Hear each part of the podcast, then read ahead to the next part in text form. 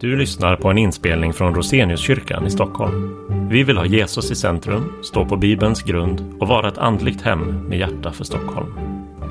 Vill du veta mer om oss? Besök vår hemsida eller vår Facebooksida. Och välkommen på en gudstjänst.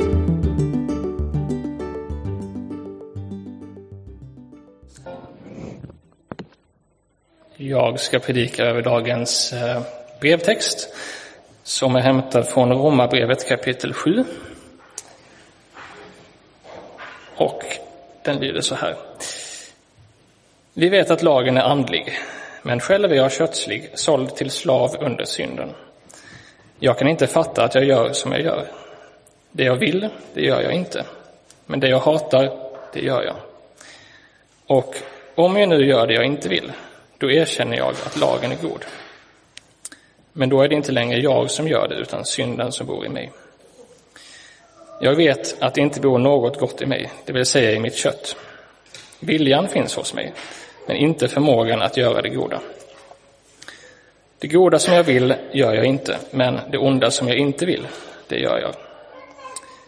Men om jag gör det jag inte vill, då är det inte längre jag som gör det, utan synden som bor i mig. Jag finner alltså den lagen för mig som vill göra det goda, att det onda finns hos mig.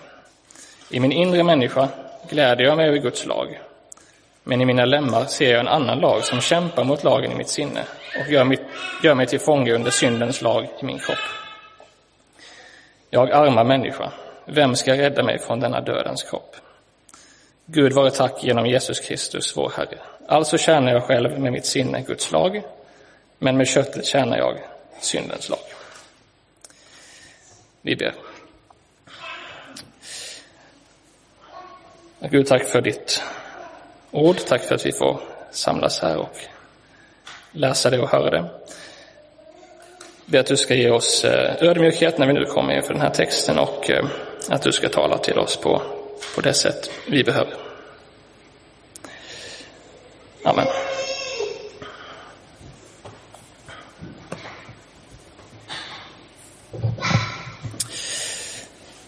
Den här tiden på året innebär eh, för många människor nog en tillfälle till nystart i livet. Kanske är man tillbaka i skolan efter sommarlovet, eh, kanske på en ny plats eller på ett nytt jobb efter, efter sommaren, eh, eller så är man på något annat sätt i en ny livssituation. Men det finns också många människor som ju längtar efter en nystart eller önskar en nystart i sina liv. På olika sätt kan man ibland uppleva att man sitter fast i sin livssituation, att man liksom aldrig kommer vidare. Och eh, det här är såklart en känsla som kan se väldigt olika ut. Eh, kanske att man upplever att man sitter fast i skolan eller på jobbet. Att eh, livet känns innehållslöst, tråkigt. Eller att man önskar att man nu äntligen skulle kunna få bättre rutin på vardagen. I texten som jag ska predika över, som alltså kommer från Romarbrevet, eh, så möter vi en människa som är i ett desperat behov av en nystart. Texten handlar ju inte specifikt om de här exemplen jag just gav, men den handlar om någonting som sitter djupt inom oss. Om vi läser Romarbrevet så ser vi hur starkt Paulus menar att ett inre som är fyllt av Guds ande är en förutsättning för en verklig nystart i livet. Och i texten beskriver Paulus hur han längtar efter den här nystarten, men befinner sig i någon slags inre kamp mellan två sidor av sig själv. Och det framstår som en ond spiral ut ur vilken han inte ser hur han själv ska kunna ta sig ut. Och eh, när jag satt ner med texten inför förberedelserna här eh, så slogs jag ganska starkt av hur eh, desperat Paulus låter. Han skriver ju, jag kan inte fatta att jag gör som jag gör. Och det jag vill, det gör jag inte, men det jag hatar, det gör jag. Viljan finns hos mig, men inte förmågan att göra det goda. Och så slutligen i, i slutet av kapitlet, jag arma människa, vem ska rädda mig från denna dödens kropp? Om vi skulle ta en ytterlighet eh, som liknelse här för den här eh, desperationen i orden så är den så stark så att den skulle kunna liknas vid den inre kampen vi hittar hos en människa som sitter fast i någon form av beroende. Det är en kamp som är eh, väldigt stark och som verkar helt utsiktslös. Och dessutom så speglas den här konflikten mellan det man vet att man vill göra, men det man faktiskt gör Eh, speglar konflikten mellan tillfredsställelse och självförakt i ett beroende. Alltså, jag kan inte fatta att jag gör som jag gör. Om vi lämnar, tillfället lämnar liknelsen vid ett beroende, för problemet är betydligt större än så här. Om vi går till Galaterbrevets femte kapitel så skriver Paulus eh, med liknande ord. Eh, köttet söker det som är emot anden och anden söker det som är emot köttet. De två strider mot varandra så att ni inte kan göra det ni vill. Men om ni leds av anden står ni inte under lagen. Köttets gärningar är uppenbara. Sexuell omoral, orenhet, orger, avgudadyrkan, okultism, fientlighet, gräl, avund, vredesutbrott, själviskhet, splittringar, irrlära illvilja, fylleri, vilda fester och annat sånt. Vår inre kamp kan alltså också innebära att våra liv innehåller avundsjuka, illvilja och själviskhet. Alltså exempel på saker som kan vara en så naturlig del av våra egna liv att vi knappt tänker på dem. Avundsjuka mot andra människors bättre boendesituation eller illvilja mot personer som nästan kör på dig bakifrån med en elsparkcykel kan vara två Stockholmsexempel på känslor och reaktioner som kan eh, nästla sig in och bli naturliga delar av våra liv. Och även om exemplet med eh, sparkcykeln är ganska banalt så kan nog avundsjuka mot andras boendesituation vara ett exempel på en tanke som liksom kan växa till och man kan fastna i den här tanken. Och en orsak till problemet är att vi vill behålla rätten att göra de här sakerna. Vi vill kunna vara avundsjuka och vi vill kunna vara själviska när vi känner att vi har rätt att göra det. Vi vill alltså behålla vår frihet. Men Bibeln och vår text från Romarbrevet menar att vi behöver leta någon annanstans för att hitta verklig frihet. För en människa som sitter fast i ett beroende är begreppet frihet ganska intressant. För det första så upplever man en tillfredsställelse, eh, upplevs i tillfredsställelsen en frihet till att göra sånt som man känner att man vill och längtar efter. Men för någon som är fast i ett beroende men vill bli ren så ligger kampen i att hitta frihet från beroendet. Alltså det finns en kamp mellan två friheter.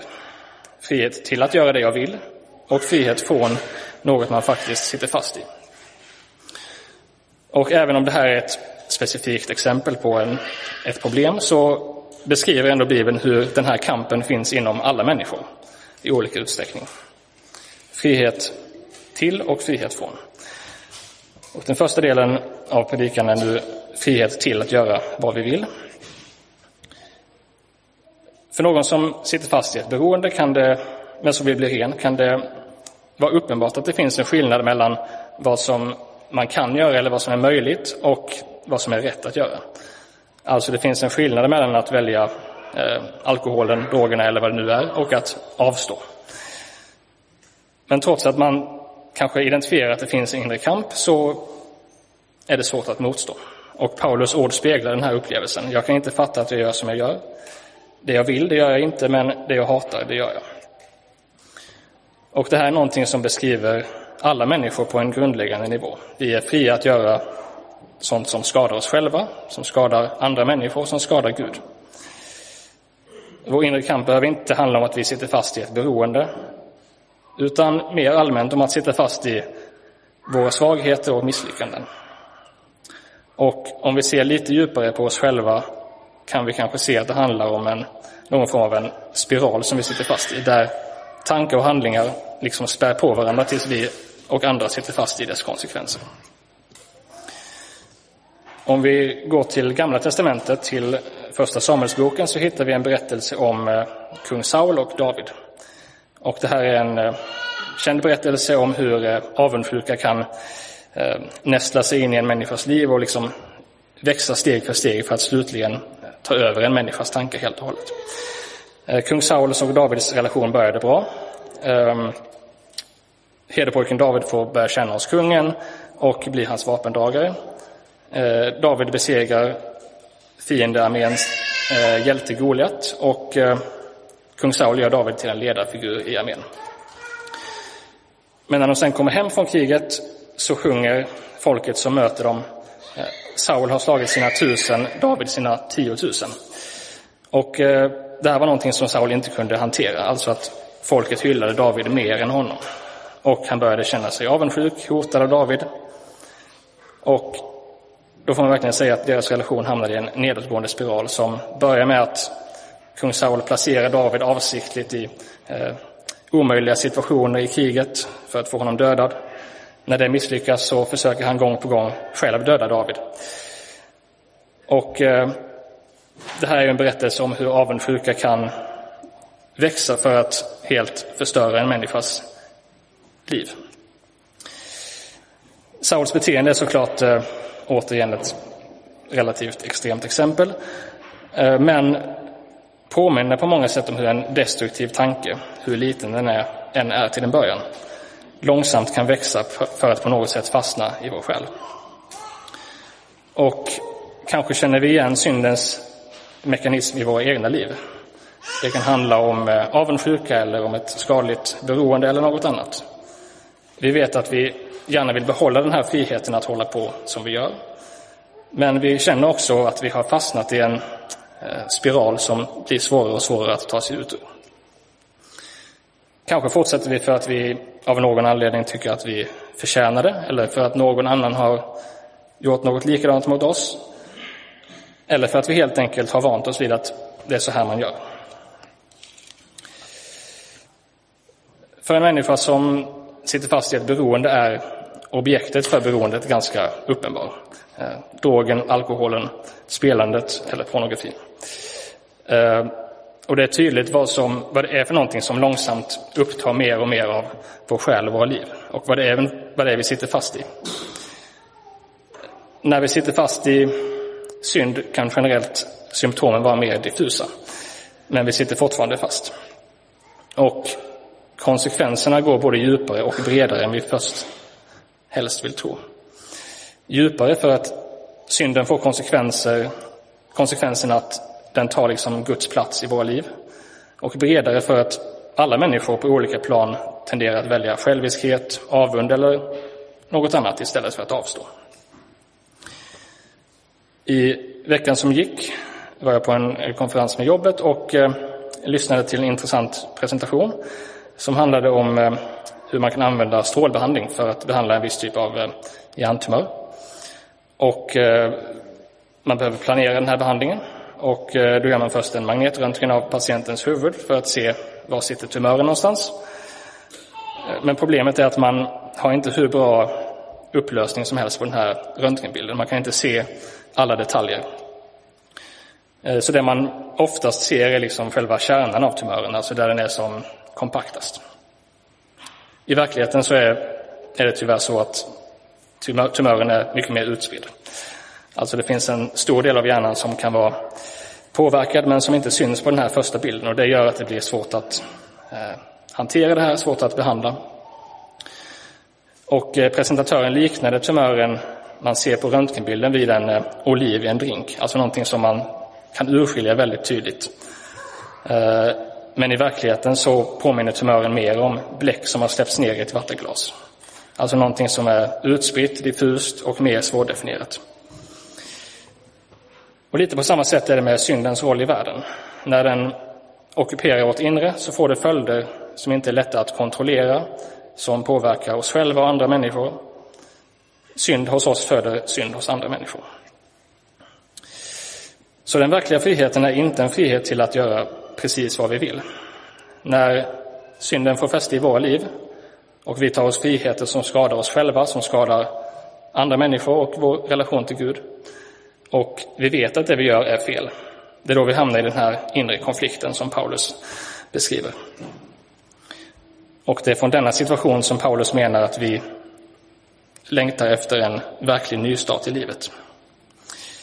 Och här kan vi gärna vara konkreta, alltså vi kan titta på oss själva och ställa frågan, innehåller våra liv sånt som vi vet eller känner är destruktivt? Hur skulle livet se ut om vi gav upp de här sakerna? Skulle vi sakna dem och varför skulle vi sakna dem i sådana fall? Ett liv där vi inte utsätter oss själva, Gud eller världen omkring oss för effekterna av vår synd är något som vi alla borde längta efter. Men det är svårt av många anledningar och det här är en kamp som vi inte klarar av på egen hand. Och därför heter den andra delen av predikan eh, Frihet från det vi sitter fast i.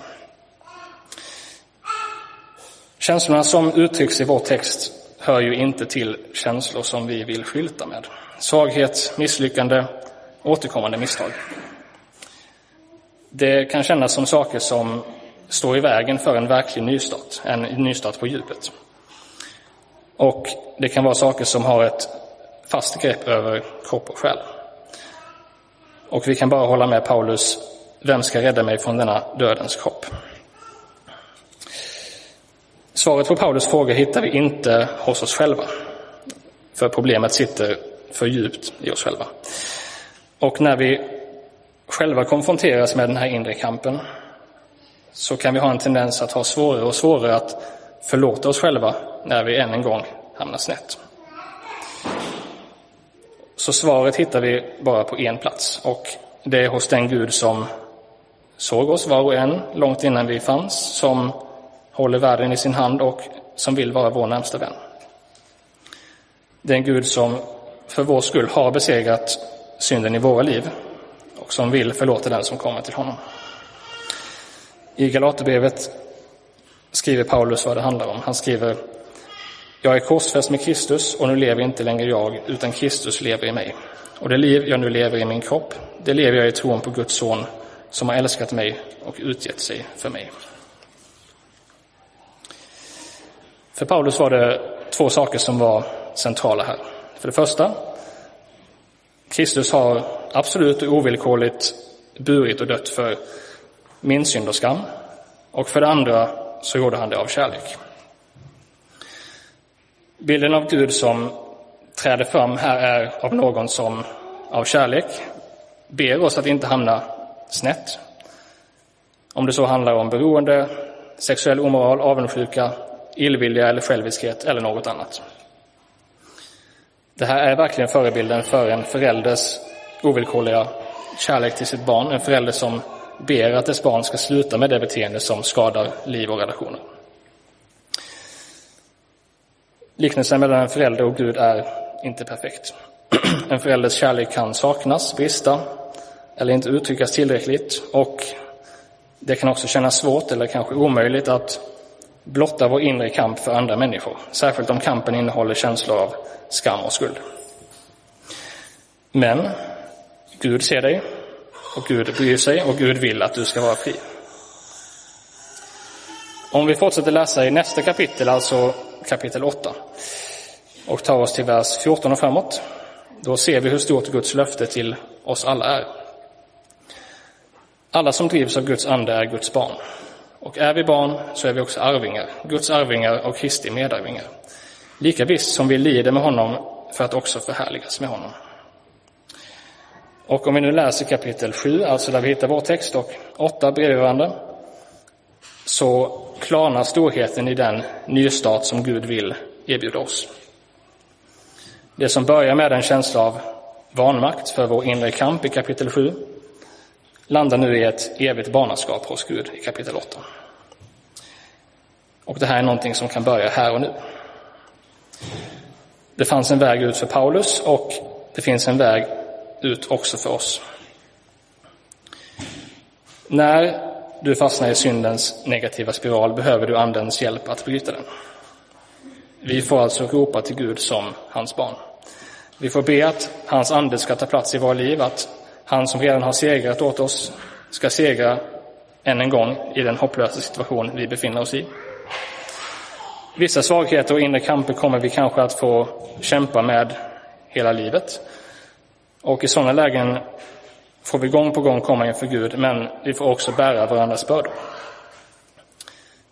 Än en gång i Galaterbrevet, i sjätte kapitlet, skriver Paulus till församlingen Om någon skulle ertappas med en överträdelse, då ska ni som är andliga människor med mild ande upprätta honom, men se till att inte du också blir frestad.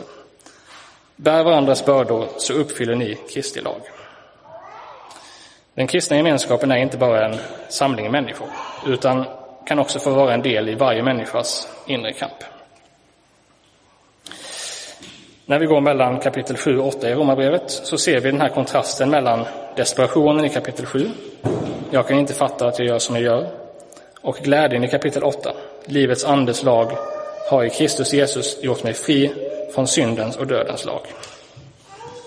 En nystart på djupet innebär att vi vandrar med Gud, att vi gång på gång låter hans ande, hans ord fylla våra liv. Paulus pekar på hur verklig frihet innebär att vi offrar en del av vår egen frihet och bekvämlighet att leva precis hur vi vill. Att vi erkänner hur djupt rotad vår synd är och att vi underordnar oss Guds ande. Och vi gör det här för att komma till rätta med oss själva, för att komma till rätta med Gud och för att mer och mer få växa i livet som Guds barn. När vi nu ser framåt mot året som kommer så får vi därför be att det ska bli ett år då vi låter Guds ande gång på gång ta plats i våra hjärtan. Vi ber.